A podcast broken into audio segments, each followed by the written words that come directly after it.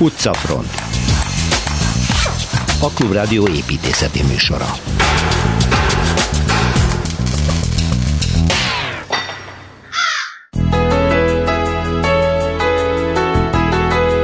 Máltáról Szardiniába hajózunk Szilveszter Ádámmal, hogy egy hatalmas múltú és a földközi tenger második, Európa nyolcadik és a világ 46. legnagyobb szigetét is megismerjük.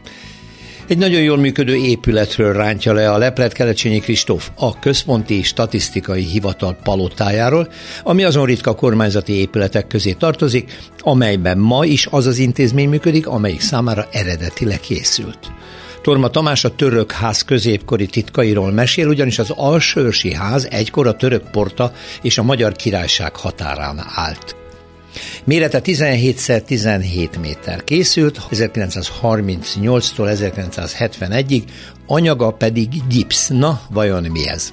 Nos, ez az időszámítás szerinti negyedik századi Róma tűpontos makettje. Erről fog beszélni Lacik Bálint. A szeríd építészet, ez egy új fogalom. Autentikus képviselője pedig az utcafront vendége Örfi József építész, aki bebizonyította, hogy az öncélúság elvetésével, a természettiszteletével és a felesleges fogyasztói igényekről való lemondással olcsó, éppen csak a legszükségesebb anyagok felhasználásával nagyon szerethető, nagyon szép és nagyon jól lakható házat lehet építeni.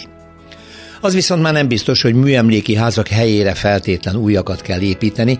Ez még akkor is igaz, ha a Kozár Alexandra azt is elárulja majd, hogy az Erkel utcában történt bontás helyén egyébként egy egészen jó kortás épület született.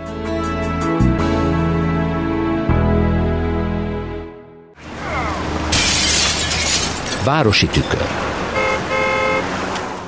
A Tirrén tengeren fogunk hajózni, illetve nem hajózunk, hanem nagyon gyorsan kikötünk, mégpedig Szardénia szigetén, Szilveszter Ádám egyetemi tanár ébüdélyes építéssel a szabad művészetek doktorával, Szerbusz Ádám, és akkor a lábunk, lábunkat a szárazföldre tesszük, és akkor Annyit tudok, hogy Szardiniát valamikor éppen azt szerint nevezték el, hogy egy, egy nagy lábgyomra hasonlít ez a sziget, nem? Tulajdonképpen. Igen, igen. De hát ennek is egy nagyon-nagyon ősi kultúrája van, és nagyon régi története, akár csak Máltának, amiről korábban már beszéltél nekünk. Miért ez a neve, hogy Szardinia? Ugye a szárd nemzetségek élnek, érdekes, ez egy, ez egy különálló nép. A nyelve az új latin nyelv, de nem igazán érthető. Végül is a, a mai újkori állapota az, az, az Olaszországhoz köti. Hogy igen, hogy de egy különleges autonómiával rendelkezik ugye ez a sziget. Igen, igen az olasz államon belül, ha úgy tetszik. Tehát a nyelvét, kultúráját mindent megőrizheti. Igen, ők, ők, ők olaszok akkor, amikor az Azzurri labdarúgó csapat nemzetközi mérkőzés vív, egyébként szidják az olaszokat, mert ők szárdok. Ők, ja, tehát büszke szárdok, igen. Büszke szárdok, egyébként ez egy, ez egy nagyon nagy sziget, azt kell mondani, hogy... hogy hát ez a földközi tenger második legnagyobb sziget. Második legnagyobb, Európában nyolcadik. Uh-huh. Igen, igen, 20, majdnem 25 ezer négyzetkilométer, szóval igen, igen. Magyarországnál kétszer nagyobb. Uh-huh. De nem túl népesedett egy vidék ez, ebben együtt, ugye? Nem, egy, egy, egy, egy, tulajdonképpen egy, egy óriási nagy természetvédelmi területnek. No, csinálj nekünk egy olyan idegenvezetést építés szemmel, hogy hogyan induljunk, mit az, amit elsősorban érdemes nézni. Hát az, azt kell mondani, hogy, hogy ha repülővel érkezik az ember, akkor három nagy légikitő, három? van. Uh-huh. Igen, az egyik a, a déli. Egyébként azt kell mondani, hogy a, a turista szempontjából inkább az európai oldal, tehát az olasz oldal felé található parszakaszt kell keresni, az rettesen jó ki van építve. És, és ugye Algero a, a, a legnyugatibb repülőtér, Egyébként az érdekes, mert még ma is katalánul beszélnek, hmm. ennek egy pár szó el kell mondani.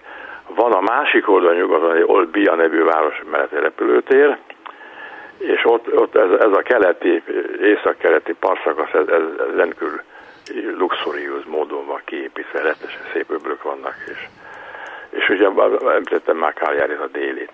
Igen. Én amikor eljártam csapatostul, akkor Algérióba szálltunk le, és akkor az ember indul fönt a tengerpart, szóval párhuzamosan, és nézi, hogy milyen városok vannak. Hát az első város a Sassari, ami a szár történelemben ez egy, egy fontos, fontos állomás, és ott, ott nemzeti mozgalmak keletkeztek, ugye, mert itt, itt is ugye rengeteg uralkodó járkált, és mindenféle hatalmak rendezkedtek be. Ahogy ez szokott lenni minden békeszerkötés után valamilyen térkép átrajzolásban. Ha az ember tovább megy, akkor talál egy nagyon szép kis város, Castel Sardo, hogy hívják. Castel Sardo? Castel Sardo, ez, ez egy dombra épült város, amit tulajdonképpen egy kicsi félszigetet környes körül ugye a tengerre érintkezik, és gyönyörű kis utcákon vannak a lehetséges sétautak, és minél ember kibukkan valahol esik át a végén, és a tengerparton van fönt. Uh-huh.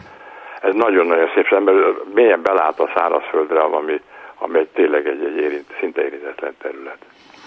Ha Ez... az ember megy tovább, Igen.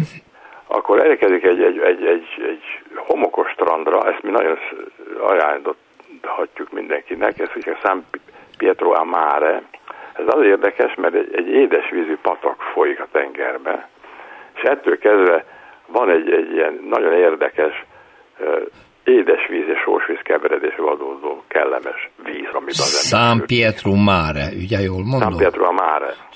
Mare. Az ember tovább megy, akkor elérkezik a Costa Paradiso című helyre, ami azért érdekes, mert ez, ez, egy, ez egy fantasztikus rejtvény. Ha az ember autóval érkezik, és kimegy a sziklákhoz, akkor tulajdonképpen is látja, hogy ez egy, ez egy elképesztően gazdagon megépített luxus telep, ahol olyan emberek laknak, mint, mint Gianluigi Buffon, ugye híres kapus. Uh-huh. Tehát aki, és hát rettes gazdag emberek, nem lehet látni őket. Sziklák között rejtett kertekben vannak ezek a, ezek a, ezek a fantazikus, gazdagon megépített, de rendkívül szerény arculatú villácskák, mindenki van egy saját medencéje, füve, növényzete, és, és egy, mindegyiknek van egy furt alagútja, egy lift megy le a partra. Na hát, ez akkor nem nekünk való vidék, legfeljebb nézegetni lehet. Hogyha itt a de megnéztük, hát mondjuk nem tudjuk belátni a kertekben, de viszont mellette ezt, ezt a gyönyörű sziklás tengerpartot, ezt, ezt, ezt sétálva be lehet járni, és ez, ezt úgy hívják, hogy Spiaggia di Cali al Cossi nagyon szép, és, és, és itt érdekes öblök vannak, és nagyon szép-szép régi épületek is láthatók. Már a régi épületekről jut eszembe, hogy ugye egy sziget, mint ahogy említetted, Málta esetében is, meg Szardini esetében is, ahány uralkodó közelébe kerül, mind meg akarta szerezni, tehát jöttek, mentek különböző hatalmasságok, ez mennyire látszik az építészeten, hogy különböző kultúrák találkoztak, vagy pedig van egy arculat valamilyen meghatározó korszakból? Azt kell mondjam, hogy, hogy a szarvini építészet az, az különlegességek nem hordoz. Mindenki, aki jött, akkor megépítette a, magáit. a, a, a, a vidéki változatát. Aha. Tehát itt nem akartak nagy, nagy költségeket produkálni, hanem produkálni, hanem, hanem, hanem nagyon, nagyon szerényebb, szerényebb. Például ott, ahol mi laktunk, egy Tergú nevű kis település, annak van egy gyönyörű 11. Század, 12. századi román temploma, az no. viszont hibátlan. Úgyhogy itt, itt akik építettek, azok, azok azt kell mondani, hogy nem egy egységes és egy, egy, egy, egy hatalom által diktált módon rendezkedtek be, hanem időről időre mindig valami megjelent. Ezek közül vannak fenséges dolgok, de ami ennek az értéke általában az, hogy, hogy egyedi és megismételhetetlen, tehát önazonos, mert nagyon szépen illeszkedik a terephez mindegyik, amit odaépítenek. Ami viszont érdekes a tájban, amit nem nagyon tudtam, és kevesen tudjuk, hogy a, a, a, a föld parafa kincsének nagy része itt van, a legtöbb Portugáliában van, de a második leggazdagabb lelőhely az, az itt Szardinia közepe. Jövő héten folytatjuk Szilveszter Ádámmal. Köszönöm szépen, szervusz! Budapesti séta. Néhány adással ezelőtt Kelecsényi Kristóf építészet történész a Széchenyi fürdő épületét mutatta be, Cigler győző munkáját, és most egy másik Cigler épületet választottál, Szervusz Kristóf. Szervusz. Amit még életében építhetett, gondolom, mert ugye azt emlékszem, mondtad, hogy a Széchenyi azt ő már nem érte meg az építését, van, építését, de a Központi Statisztikai Hivatal gondolom még az életébe készült el, amiről most beszélsz nekünk. Ez, ez, ez, ez, ez pontos, ez pontosan így van. Igen, ugye egy, egy olyan középületről van szó, ami talán egy kicsit kevésbé feltűnő helyen áll, de mégis nagyon fontos volt annó is, hogy megépült, illetve hát ennek a szűkebb környéknek a fejlődése szempontjából is. Ugye főleg azok találkozhatnak vele mondjuk úgy, hogy napi szinten, akik ugye itt a Megvárt-liget és a, az alsó Rózsadomb, Szélkálmán tér, Moszkva tér, Margit körút környékén mozognak. Ugye itt a, a villamos megállóból a Margit körútól éppen csak a, az oldalhomlokzatát látni ennek az elég nagyszabású Igen. háznak, illetve a kupoláját talán, ami még feltűnőbb. Ugye, ahogy mondtad, ez egy Cigler győzőféle épület.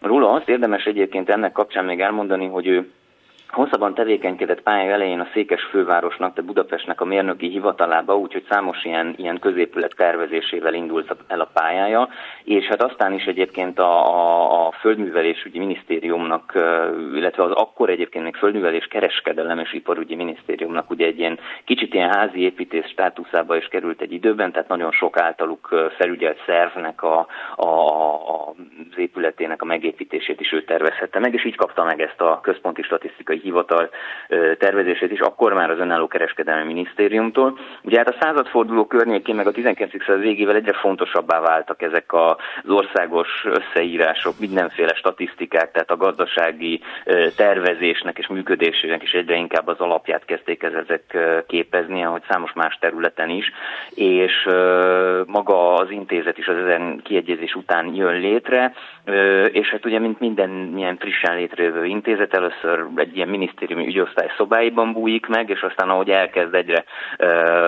terebélyesedni az egész, ugye úgy először bérelnek ki számára mondjuk egy, egy bérházat, ami korábban bérházként működött, ilyen, ilyen volt ugye az Alkotmány utcában egy ilyen elhelyezés a statisztikai hivatalnak, és aztán a millennium után 1897-ben kezdik el építeni ezt a, ezt a házat, egyébként egy korábbi ilyen téglavető telkén.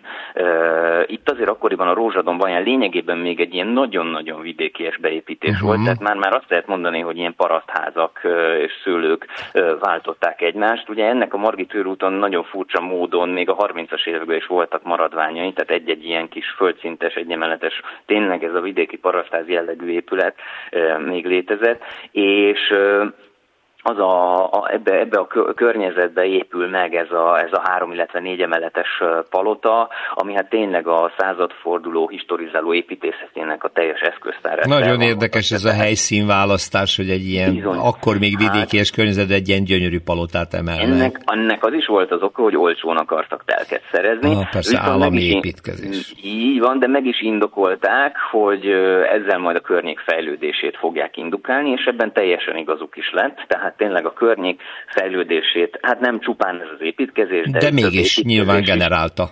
Uh-huh. Így van, így van, tehát uh, ennek, ennek többek között ennek az épületnek is köszönhető az egyrészt, hogy kialakul itt a, a Megvárt ligetnek a, az elődje, tehát ez a parkosítás megtörténik, és másrészt pedig az, hogy a Margit körúttól észak felé, uh, vagy észak-nyugat felé terjedő városrész is elkezd kiépülni. Ugye ez egy nagyon uh, fura dolog, pár évvel ezelőttig azért még ez élénken volt tapasztalató, ugye itt a, a millenáris uh, helyén ugye a ganzgyár uh, tehát működése, illetve hát az épületeinek kapcsán, hogy hogy, hogy tulajdonképpen ez egy kicsit ipari környék volt, ipari mezőgazdasági környék volt még ekkor a századfordulón, és hát gyakorlatilag ez az átalakulás szerintem mai napig is tart, ugye lásd, ugye ez a nemrégiben elkészült park is itt a millenáris a szélkapu, igen. Tehát, hogy, hogy, hogy, hogy ez az egész környéknek az átalakulása tulajdonképpen egy, egy, egy bő száz évvel ezelőtt kezdődött el, és gyakorlatilag napjainkban ér véget, miközben pedig olyan részek veszik ezt körbe, mint a Rózsadomb, ami már a századfordulón is, illetve hát aztán különösen a két világháború között azért a luxus szinonimája volt. Igen,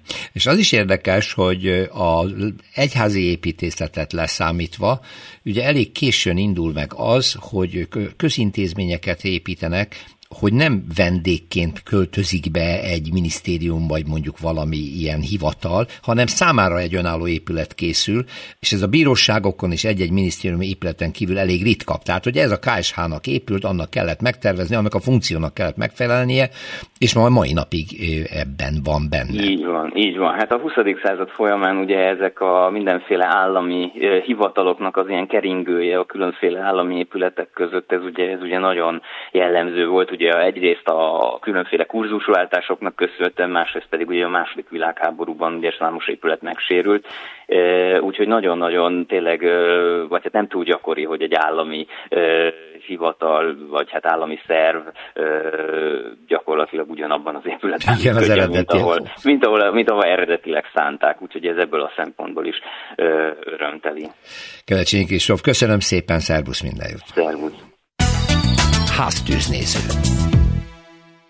Torma Tamás az Egyhelyblokk szerzője, építészet kritikus, az utcafront állandó rovatának szerkesztője itt van megint a stúdióban. Üdvözlök és mindenkit, téged is, Péter. Hoztál egy olyasmit, amire elmondhatom, hogy lehet, hogy Magyarország egyetlen vagy nem egyetlen, hanem Magyarország legrégebbi épségben megmaradt udvarházáról beszélsz, amit olvastam. Sajnos Igen. nem láttam, pedig jártam alsó esőn, de arról, hogy ott van egy törökház, arról hallottam, de azt nem tudtam, hogy miért törökház a törökház. Nagyon kimagaslik egyébként. Igen. De nyilván ismerős tekintetnek kell ahhoz lenni, hogy ez kiszúrja.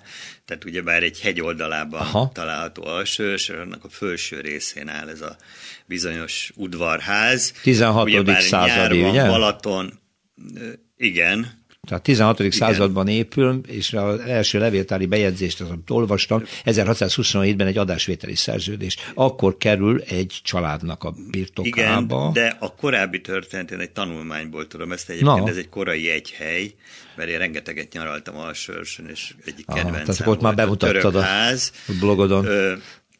16. század, ez a török-magyar határvidék. Uh-huh és akkor volt, tehát az első dokumentumok alapján a Prépos családé volt 1570-1590 körül, de még érdekesebb a történet, tehát, hogy először is maradjunk annyi, hogy udvarház. Igen, igen. Ez egy kisnemesi udvarház, valószínűleg ez így igaz, egy kis fallal körül, a lejtőben ül, Gyönyörű szép kőkapu keretes Igen, bejárata de miért van. törökház? Na ez az, a, mert turbán van a, a közkeletű, így van, a közkeletű vélekedés ez, hogy azért, mert egy turbánszerű, fedett kémény, egyébként alsős erről Igen, a fedett kéményekről híres, híres. ez nem biztos, de én észrevettem, és mindig is csodáltam, rengeteg gyönyörű kémény van, és fedett kémény. Igen nem magyarázunk el, hogy miért jó a fedett kémény. Egyelőre csak most maradjunk az esztétikánál, hogy nagyon szép, nagyon szép fehér messzelt kémények vannak alsősön. Igazából azért törökház, mert ez egy végvári határterület volt, és ez egy történész tanulmányban tettem szert erre a lehet, hogy vélekedés, de inkább tudásra, hogy kettős adóztatás. Tehát Igen? a béke kedvéért tehát magyar, ők, magyar, a magyar ott, nagyjából ott volt uradalom a határ, is szedadót, meg a török is. Veszprém az többségében magyar volt ezekben az időkben, attól délre, Balaton déli oldala, túlsó oldala, már a, porta. Somogyi, ott pedig már a törökök voltak. Ez egy ilyen olyan volt, hogy kikicsaptak egyik másik, és akkor békesség kedvére faluséak úgy oldották meg, hogy kettős adózást Aha. végeztek, tehát amikor jött a török adószedő ide, mert ez volt az egyezményes hely, ahol nem támadták meg. Tehát tulajdonképpen ez egy le nem írt egyesség volt a harcoló felek között.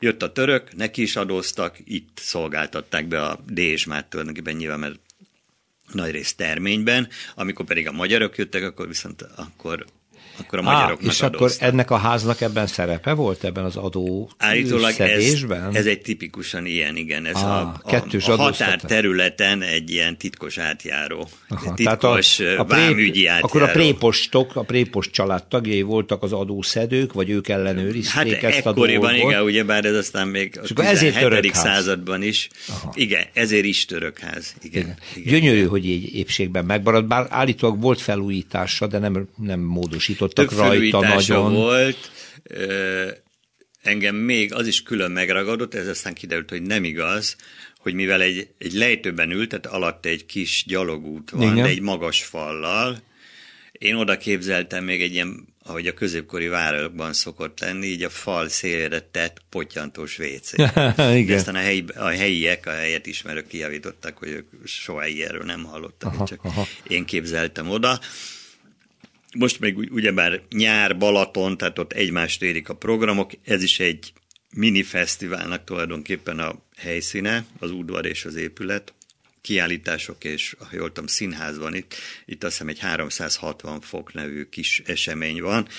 A szomszédfaluban, Lovason pedig a a Gárten Balaton dübörög ebben az egész Akkor a törökház önkormányzati tulajdonban mondod? A törökház, igen, úgy tudom, igen. Jó, tehát akkor nem igen. valami magántulajdon, amit eladnak, átalakítanak, átépítenek, hanem védett. Nem, mindig. Amikor én utoljára ott voltam, akkor még be lehetett menni, de nyilván van most is azért egy kulturális esemény helyszíne, az mert hogy az önkormányzaté. No, akkor a Sólyos török ház, tessék felkeresni. Gyönyörű balatoni kilátással, persze. Torma Tamás, köszönöm szépen. És köszönöm. Utcafront. Meg lehet tekinteni az ókori Rómát, egészen pontosan az épületeket, az utcákat, szinte mindent, mert, és erről majd Lacik Bálint műsorunk állandó mérnök szakértője fog beszélni, Szerbusz Bálint. Szerbusz, jó napot kívánok! Készült egy, azt írod a leveletben, egy a 250-es léptékű modell az ókori Rómáról gipszből? Igen, pontosan így történt. Ki, ki, ki követte ezt? A... Te az előbb, az elkövető előtt még egy nevet megér, megemlítenék. Rodolfo Lanciani nevű régész és építész professzor, még a 19. század második felében nagyon-nagyon alapos feltárási munkákat és levéltári kutatásokat végzett, és az ő munkássága nyomán készült el egy 46 igen nagy alapú labból készült térkép az ókori Rómáról. Tehát ő nagyon pontosan fölmérte a különböző közterületeknek, épületeknek, templomoknak, kolosszumnak, mindenfélének a méreteit és a helyét, és ezt a térképet dolgozta föl egy Italo Gizmondi nevű olasz régész. Na most ez a felmérés nyomán készült modell érdekes, mert 1933-ban kezdte készíteni ezt a modellt, 1971-ig építgette. Tehát az volt egész, türelme. Volt türelme, bár hát mondjuk az indítatása volt lényegtelen, mert a nagy Ducsa, ugye a Benito Mussolini, aki nagyon erősen kötődött és igyekezett az ókori nagyságokhoz fölzárkozni, tehát ő adott megbízást a Róma építészeti rekonstrukciójának, ez egy a 250-es léptékű megvalósítására, na hát ugye a Mussolini aztán gyorsan elmúlt, de a modellépítés nem fejeződött be, olyannyira, hogy 38 éven keresztül ment ez a tevékenység. Gipsből színezve készült egy gyönyörű, hatalmas nagy terepasztal, tehát egy a 250-es léptékben, mint egy 17x17 méteres alapterületet foglalt el ez a nagyszerű látványosság. Ugye ma is meg lehet tekinteni, az olasz fővárosban kiállítva szerepel a Nagy Konstantin idejéből származó, időszámításunk szerint negyedik századi állapotát igyekezett. Na, ezt akartam. Bűbben. Szóval egy nagyon konkrét pillanat. Egy konkrét felvétel. időpillanathoz. Hát uh-huh. már mhm. amennyire ezek a régészeti feltárások és térképek hitelesek, hát ehhez igyekezett a Gizmondi a kis modellkéivel fölzárkozni. A dolog itt még nem ért véget, ugyanis elkészült ez a modell, aztán amikor elindult a számítástechnika, 1992-ben elsőként ezt a nagyszerű terepasztalt digitalizálták, és tulajdonképpen itt próbálták ki a nagyméretű 3D szkennelést és az építészeti modellezésnek ezt a változatát. Hmm. Kétszer két méteres blokkokra bontva 0,5 mm-es felbontással, mint egy 160 millió pontonként hozták létre azt a háromdimenziós modellt, ami aztán különböző filmeknél, például a Ridley Scott Gladiator filmjénél egy öt Oscar díjas filmalkotásnál hát igen jó hasznat hajtott. Aha, pontosan rekonstruálható egy bizonyos Pontosan rekonstruálható, és beépíthető látványelemként a legújabb filmekbe, tehát az ilyen ókori római tárgyú filmeknél biztos, hogy Hát digitálisan mindent be lehet már illeszteni, és nem kell rajzolni. Uh-huh. Hát ez egészen fantasztikus. Látható a nagy közönség számára ez? Igen. Uh-huh. Tehát akkor semmi dolgunk, csak menjünk el Rómába. Igen, és hát az interneten is szerepel ez a digitális modell, tehát a modell alapján is végigjárhatod a modellnek az utcáit, digitális mm-hmm. modell utcáit. Ezt akkor mindenképpen érdemes megtenni, Plastico di Roma. Köszönöm szépen Lacik Bálintnak, akkor már csak az van, hogy ténylegesen el lehessen utazni Rómába. Igen, és hát mondjuk az igazit is érdemes Ér, megnézni, a mai nem csak a modell. mennyire. Köszönöm szépen, szervusz! Okay, én is köszönöm, szervusz, minden jót! Magas lesen. Egy új fogalommal fogjuk megismertetni a hallgatót. A szeridépítészete. Lehet, hogy már van, aki ezt hallotta, de abban a kontextusban szerintem nem, ahogy most Örfi József építéssel fog beszélgetni. Szerbusz. Szervusz, Péter. Te vagy az az építész, aki 2017-ben nem nagyon hitte el, hogy a média építészeti díja hatalmas versenyében, a, bejutva a döntőbe, te leszel a fődíjazott azzal a házaddal, amit magad építettél, nem biztál benne, pedig ezzel tulajdonképpen új korszakot nyitottál meg az építészetben.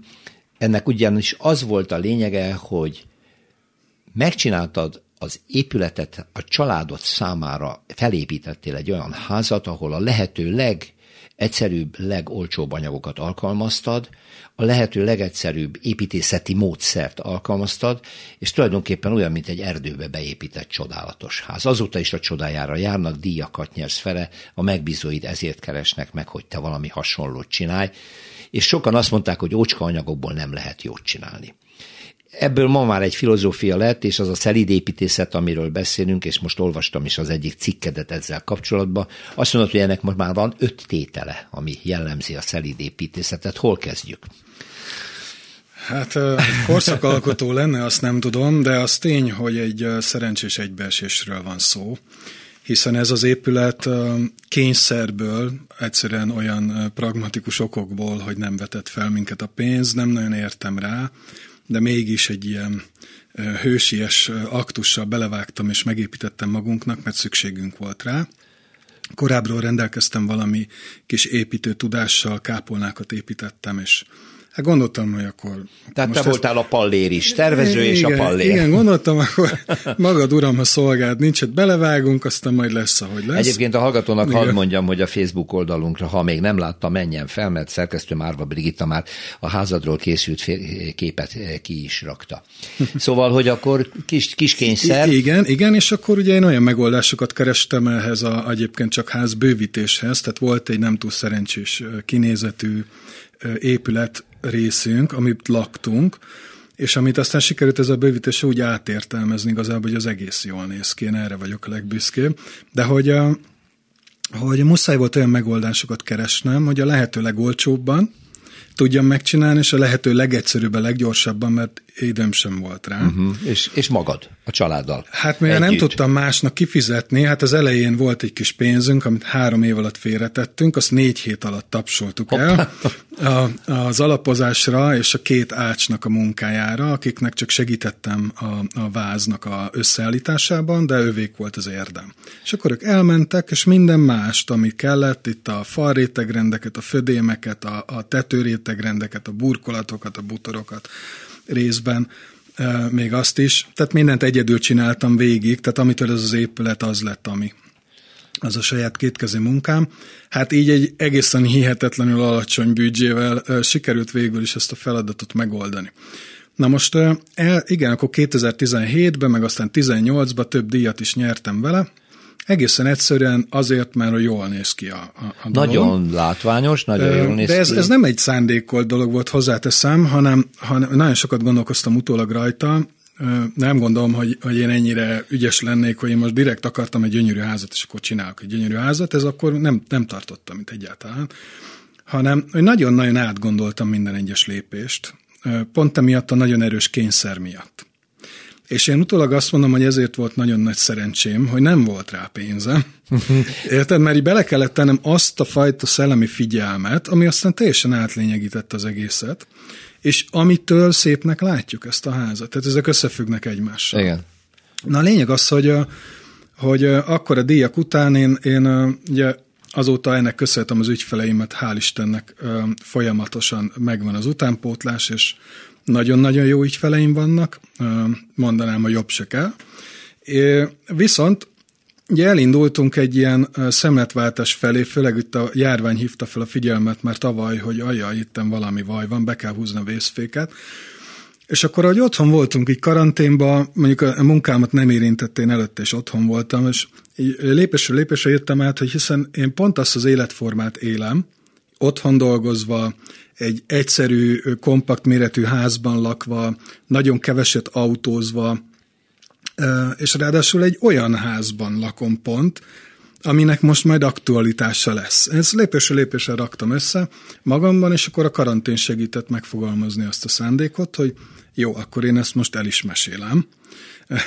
Ugye volt régebben is blogom, valahogy így, így vagyok összerakva, hogy így le tudom írni, el tudom mondani a, a dolgot, és akkor gondoltam, akkor én ezt most is szélesebb körbe elkezdem igen, nyomni és ezt az e- igét, és látod, most itt ülünk a Igen, és, és a szelíd építészet,re ö, volt egy olyan reakciód, amit az egyik írásodban rögtön idéztél is, hogy egy idős mérnökember, mert látva az épületedet, a házad, azt mondta, hogy segédanyag. Mert hogy látta, hogy egyszerű falécek, hogy egyszerű építkezésnél használt kiegészítő és segéd lemezeket használsz, meg stb. És ebből kinőtt egy ház, és ez egy jó megfogalmazás végül is, hogy segédanyag, ha nem, pejoratíve értelmezzük, ugye? Uh-huh. Igen, ez, igen. ez a jövő? Igen, tehát ugye egy picit látva a pillanatot, hogy születtek, persze, hát én azon tanakodtam, hogy mik azok a legolcsóbb megoldások, amikkel aztán én csinálok egy olyat, ami jó, és egy picit ugye új utakon jártam vele, tehát nem volt előzménye, nekem kellett mérlegelni, eldönteni, bevállalni, kockáztatni, hogy akkor én ezt most bevállalom, hogy én most ezt olyan kontextusba fogom hozni, hogy nem szoktuk. Pedig az ember azt hinné, hogy ezek drága dolgok, mert most akkor mondod gyorsan egy példát szemléletesen, hogy a hallgatót behelyezzük az udvarodba, hogy a házad mellett valószerűtlen közelségben ott vannak a fenyőfák, hogy lehet házat építeni úgy, hogy nem vágtad át a gyökereket, szinte belenőnek a, a házba. Igen, igen, itt a szelíd építészetről beszélgetünk, az egyik nagyon fontos ismérve, hogy megpróbálom a környezetemet a maximálisan tiszteletben tartani. A mi kis építkezésünk gyakorlatilag egy olyan telken valósult meg, ami erősen lejtős Igen. volt, ezt szokták úgy általában rögtön markológépekkel feltúrni, hasonló, has, hatalmas pince, stb. Igen, igen. Vízszintes felületet, igen. és abba alapozva. Én 6 négyzetméteres pincével megoldottam ezt a szintkülönbséget, ha. egy emeletnyi szintkülönbséget, és öt fenyőfa állt közvetlenül az építési terület határvonalán, tehát a legtávolabbi az ötből egy méterre van, a legközelebbi 20 centire. Hm. Mind az öt áll, és köszöni szépen jól van. Ugye ezt úgy oldottuk meg, hogy eleve nem nehéz szerkezetekből építkeztünk, Igen. hanem egy egyszerű favázat, mert úgy éreztem, hogy azt, azt jobban kézben tudom tartani, ki tudom fizetni, jobban átlátom, jobban meg tudom csinálni, mint, mint a kőműves munkákat akkor csak ennyi volt az ok, meg ez, hogy a fák meg tudjanak maradni. Mert ugye ennek hmm. elég volt egy könnyebb alapozás, ugye a talajba csak pontszerűen mentem le, és a talaj fölött fogtuk össze egy vasbeton gerendaráccsal, és ö, mindent elbír, és megtartja ezt az épületet, mert nincs súlya, és egy gyökeret se kellett elvágni. Igen. Tehát akkor már is elkezdődik az a történet a szelíd építészetben, hogy, hogy beépíted a természetbe, vagy a környezetbe a házat, nem a környezetet építed át. Tehát ill, beilleszted. Vagy beilleszted. Ez a jó szó szerintem. Tehát, hogy van Igen. egy keretrendszer, amit elfogadsz, és akkor megnézed, hogy a puzzle a hiányzó szám, uh-huh. az melyik, hogy néz neki, mi, és akkor úgy oda. Na, most ez tényleg barom szép, meg ez nagyon jó dolog, és nemrég Bolyár Iván Andrással ebben a műsorban arról beszélgettünk, hogy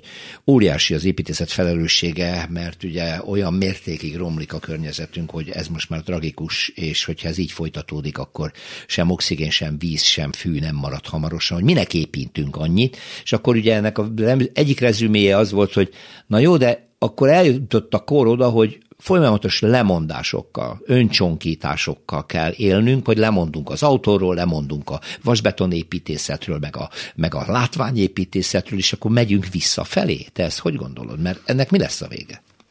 Én azt gondolom, hogy ez egy olyan pillanat, ami, ami talán egy, egy soha nem látott kreativitásra fogja sarkalni az emberiséget. Tehát azt ne felejtsük el, hogy ez a faj, ez igen nagy potenciállal bír, hogy már többször megmutatta, viszont ha nincs rákényszerítve, akkor hajlamos túlterjeszkedni, meg, meg túl befoglalni a, a, a bolygót magának, Hát most ugye rá leszünk kényszerítve, hogy ezt a attitűdöt, ezt, ezt el kellene engedni, de nem a kreativitást, amire viszont minden eddiginél nagyobb szükség lesz. Azt gondolom, hogy az összes piac ezen pörög most, hogy hogyan tudjuk úgy a termékeinket kialakítani, kitalálni, stb., hogy vágyott dolog tudjon lenni, Aha miközben ne önkorlátozásnak lesz. éljük meg. Igen, és mert ezt az ellenmondást, azért, ezt fel kell oldani. Na de hogy oldjuk fel? Hát e- kevesebbet fogyasztott, kevesebbet vásárolok, kevesebbet építek, vagy egyszerűbben építek, tehát puritánabbá válik a dolog. Ez ilyen, ilyen lemondás, ilyen önkorlátozásnak tűnik. Hát Péter, ha engem kérdezel, azt gondolom, hogy ez a kis ház, amiről beszélgettünk, az egy pontosan egy eklatáns példa erre. Uh-huh. Nem volt pénzem, igaz? Uh-huh. Nem voltak lehetőségeim. Uh-huh igazából magamra voltam utalva ebben a történetben. Kicsit építettem. A fűtött terek mérete, amit a bővítésre Elég, csináltam, mert népes a az, család. Hát négyen vagyunk, most 65 négyzetmétert lakunk a földszinten, uh-huh. egyelőre teljesen komfortos, a nagyobbik gyerek is csak 9 éves még. Uh-huh. És most van tervbevéve, ami ugye elő van készítve, tehát minden úgy lett megcsinálva, hogy ne kelljen bontanunk utólag, stb. Tehát a meglévő keretek között a tetőteret beépítjük, ott lesz plusz oldani. két szobánk a tetőben, és ennyi. Uh-huh. Uh-huh. De hogy nem nagyok a fűtötterek, nem nagy az egésznek az alapterülete, inkább a terasz nagy, mert ugye azt nem kell kifűteni, az, az egy fontos életérzés, szabadságérzetet ad.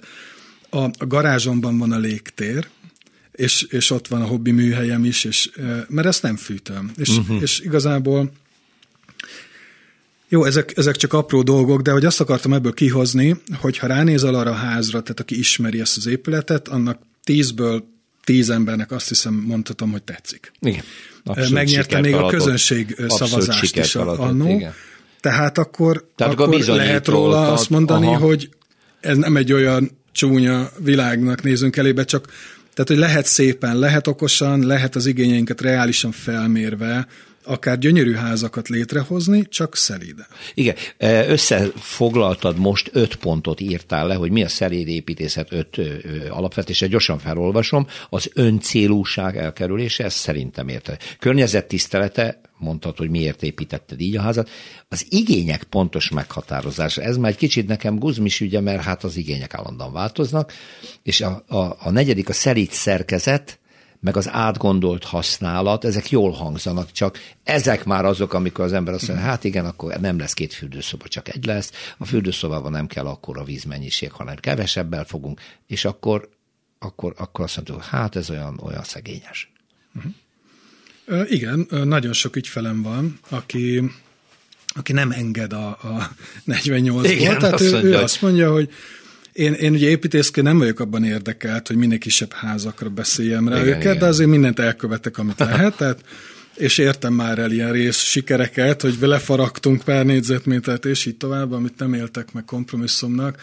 De hát én erre azt tudom neked mondani, hogy mondjuk, ha összehasonlítasz egy belvárosi lakást egy családi házzal, még a belvárosi lakásban megtanulsz fegyelmezetten az utolsó köpcentit is kihasználva, okosan élni, és van egy olyan lakásod, ami rád van szabva, akkor családi házat kezdesz építeni, akkor hirtelen elszalad a ló, és akkor azt mondod, hogy és akkor még ilyen teret is szeretnék, olyan teret is Igen. szeretnék, amolyan teret is szeretnék, miközben mondjuk a, a, a mi lakásunk, a házunkban, az kb. lehetne egy belvárosi lakás Aha. is, viszont egy gyönyörű táji környezetben van, egy gyönyörű terasszal, tehát megvan az a plusz komfort, amitől megír egy kertesházba, aki költözni. Tehát ha azt valaki mondod, erre hogy... azt mondja, hogy ez szegényes, hát Aha. nem az. Tehát azt mondod, hogy, hogy, hogy az átgondoltságba az is vele tartozik, hogy legyek őszinte, és mondja, tényleg kell nekem még két szalon? Tényleg kell nekem még oda egy, egy, egy, egy plusz terasz, amikor itt van a másik oldalon egy? Tehát ez, ezt Igen, amikor mondjuk felteszem a kérdést az ügyfélnek, hogy jó, oké, kell neked egy vendégszoba, mm, igen. és kell neked egy dolgozószoba. Nem lehetne ez a kettő ugyanaz? És akkor így elgondolkozik, megvakarja az állát, és akkor van, aki azt mondja, hogy de lehet, és van, aki azt mondja, hogy nem, én ragaszkodom hozzá, hogy ne legyen. Uh-huh. De ez most csak egy apró. Igen, igen. Tehát, de, de hogy, amiről beszéltünk is, hogy a kreativitásnak minden eddignél nagyobb szerepe van, tehát, hogy kreativitásra fel tudsz oldani látszólagos ellentmondásokat, sőt, inspiratíve hat rá. Még te ezt érte meg a házépítése ez, ez során, a tervezés, hogy... Igen, igen, igen, de egy alaprajznak a szerkesztésére is ez ugyanúgy érvényes. Uh-huh. Tehát nálunk ugye minden ügyfelemet meghívom, meg rengeteg vendégem volt, már gyere egyszer, te is szeretettel látlak. Már nagyon megnézném. Hát gyere, gyere, van, van egy konyha étkező nappalink, igazából ez volt a projekt, ebbe akartunk belevágni, Aha. mert ez nem volt meg a kis garzonunkban, ami ott a házban volt. 27 négyzetméter lett, mert nagyon elengedtük a... Oh. Oh, nagyon elengedtük a büdzsét, ú, és, és képzeld el, hogy ezen a 27 négyzetméteren le tudok ültetni kompromisszummentesen 9 embert fixen. Hoppá. Kényelmesen. Aha. Ott szoktam nekik prezentálni egyébként van ilyen kifordítható monitorom, ott ők a fal tövébe, és amikor ők jönnek, akkor csak 90 fokkal elfordítom, és már az egész átváltozott egy ilyen vetítő szobává, ez az étkező asztalunk Aha. egyébként. Van egy négy méteres konyhapultunk, Szerintem sok embernek nincs négy méteres konyhapultja. És van egy olyan nappali sarkunk, aminek ugye a legfőbb ismérve, hogy ez nem átjáróház, tehát egy teljesen zavartalan, nyugodt, kis kuckó, amit be lehet lakni, egy rendes méretű ellakó kanapéval, stb. Uh-huh. Nagy könyvespolcunk van, tévé van. Uh, 27 négyzetméterre. Azt Tám. szokták rá mondani, hogy hú, hát ez, ez milyen tágas. Aztán amikor tervezésre kerül a sor, eddig még mindenki nagyobbat kért tőlem, de én megmutattam. Mennyire vevők akkor a szerid építészeti megoldásokra, a sok-sok kreativitást igényel, amikor azt mondod, hogy de uram, akkor még olcsóbb is lesz. Igen, ez egy szerencsés egybeesés. Én azt gondolom, hogy rá leszünk kényszerítve, tehát hogy nem fogjuk megúszni, hogy ez egy kényszer lesz. Szerkezetekre is gondolok, kis fesztávok, egyszerűen megépíthető épületekre, hiszen minél bonyolultabb, minél nehezebb, annál nagyobb építőanyag igénye van, szállítási igénye van, élő munka, bedolgozás, stb. Ráadásul elfogynak az alapanyagok, tehát a megújulókat kéne használni. Uh-huh. Legegyszerűbb ugye a megújuló erdőgazdálkodásoknak az összes termékét felhasználni, mind a vászhoz, mind a hőszigeteléshez. Én szerintem ez lesz a jövő. De egy a pénztárcánk is ezt akarja. Egyébként, tehát, hogy hát ha a kettő nagyon gyorsan összeér, mert nagyon nagy szükség lesz rá. Az oda jutottunk, hogy ezzel minden nap foglalkozni kell, és minden nap az az, az az ellentmondás van előttünk, hogy kevesebbet fogyasztani, de közben meg ugyanúgy megőrizni az életminőségét. Így van. Ez a, ez a lecke. Építészeti nyelvre lefordítva, ahogy Örfi József ezt most előadta, a szerint építészetnek ez az egyik lényege. Igen. Na most már csak az maradt, hogy akkor meglátogatom a házatokat. Jó, nagyon, nagyon szívesen köszönöm. megnézem. És még egyszer mondom a hallgatónak, hogy a Facebook oldalunkon ott látják Örfi József által épített, tervezett csodálatos épületet. Gratulálok, és sok sikert kívánok neked. Nagyon szépen köszönöm. Utcafront. 2016-ban elég nagy botrányt okozott az, hogy Budapesten, a Pesti oldalon, az Erkel utcában történelmi épületek sorában egy műemlék épületet lebontottak, hogy annak helyére egy hát teljesen korszerű, új, vadonatúj társasház épüljön. Aztán, hogy milyen húzavona volt, azt én nem tudom, de Kozár Alexander, az Index munkatársa most azzal hívott, szia Alex, hogy megépült a dolog, készen van, és ahogy a borító ponyva eltűnt, most már pompázatosan ott van az új. Milyen lett, és mi a véleményed milyen arról, volt, hogy egy milyen, milyen volt, és, és hogy egy ilyen műemléképületet érdemes volt lebontani azért, hogy ott helyet kapjon egy új? Hát nézd, én, én mindig ebből a szempontból konzervatív vagyok, tehát régi párti. Én, én e- erre egyértelműen igennel vagy nemmel nem tudnék válaszolni, de ha a kést a torkomnak szorítanád, akkor azt mondanám, hogy nem. Aha, tehát, tehát a régi nem... jobb volt, mert nem volt rozoga, az egy klasszicista, vagy neoklasszicista, sőt nem, rendes klasszicista, hiszen az 1860-as években Aha. épült, jellegzetesen klasszicista volt, és ugye az Erkel utcáról beszélünk, ez egy rövid utca, a 9. kerületben az Ülői út és a Rádai utca között, és ugye összesen 21 ház van, és annó a 21-ből 14 volt műemléki jellegű, vagy, vagy a homlokzata, vagy az egész ház. Tehát ez egy nagyon-nagyon jó, jó szám volt, ez is ezen házak közé tartozott, de hát hirtelen ugye elveszítette műemléki jellegét, pedig azért jegyezzük meg, hogy a, az utcában olyan nagy nevek építettek, mint Hild József, Pollák Mihály vagy Ibül Miklós. Tehát ezek a házak vannak ott, és ezért volt ennek a háznak is olyan óriási értéke, tehát tulajdonképpen a környezet és az egységes utcakép miatt. Tehát még egy ilyen utca, ahol, ahol ilyen nem túl magas, három, négy vagy öt vagy igen, igen, öt, igen. hat szintes klasszicista épületek egységesen ebben a stílusban. Tehát itt akár filmet lehetett volna, volna forgatni. Nagyon kevés ilyen utca van. Igen. De... Na most, hát ez, ez csorbult ilyen módon, és ez már a második ilyen ház volt, mert ezzel Srévizavi szemben tulajdonképpen már az első ilyen projekt megkezdődött. Hát ez, ez az üzleti beruházások áldozatává vált. Annó azt lehetett olvasni, hogy ez már, már papíron, már lábon elkelt, tehát amikor még, még a tervek se voltak az asztalon jó formán, ukrán és egyéb mindenféle befektetői köröket emlegettek, ez most lényegtelen is a mi történetünk szempontjából, viszont 2010-ben megszűnt a helyi védettsége, és akkor így tudtak Hát, hát ez a szokásos történet, ö... megszűnik a védettség, és akkor igen. egyszer csak jönnek, és valaki kell meg, Igen, és rengeteg kritikát kapott, a kerülettől is, a város, városképtől és a várostól, rengeteg kritika volt a sajtóban, mert hogy ugye miért? Tehát ugye az 1860-as évekről beszélünk, akkor épültek ezek a klasszicista házak, ezért ezekből kevesebb van, mint a mondjuk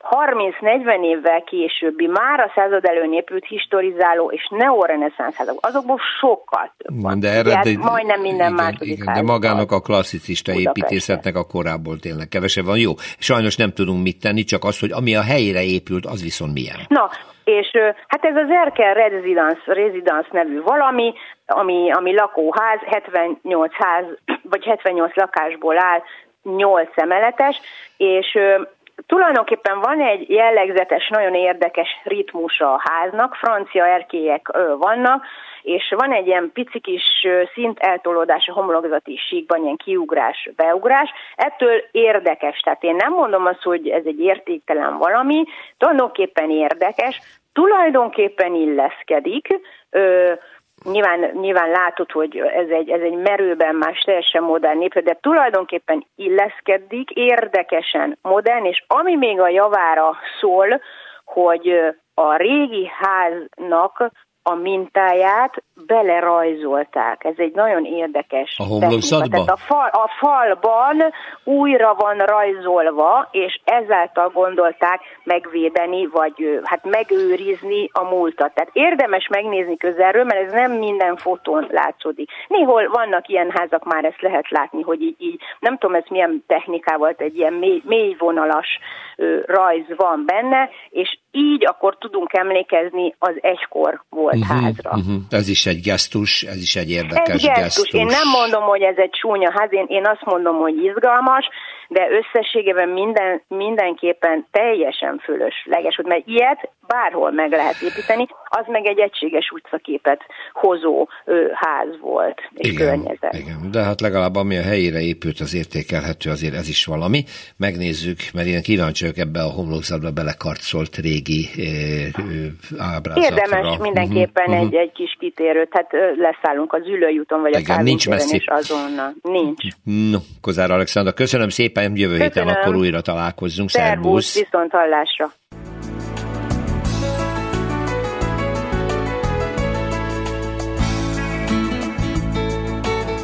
Köszönjük a figyelmüket, az utcafrontot hallották, a műsort Árva Brigitta szerkesztette és Rózsa Péter vezette. Egy hét múlva várjuk Önöket.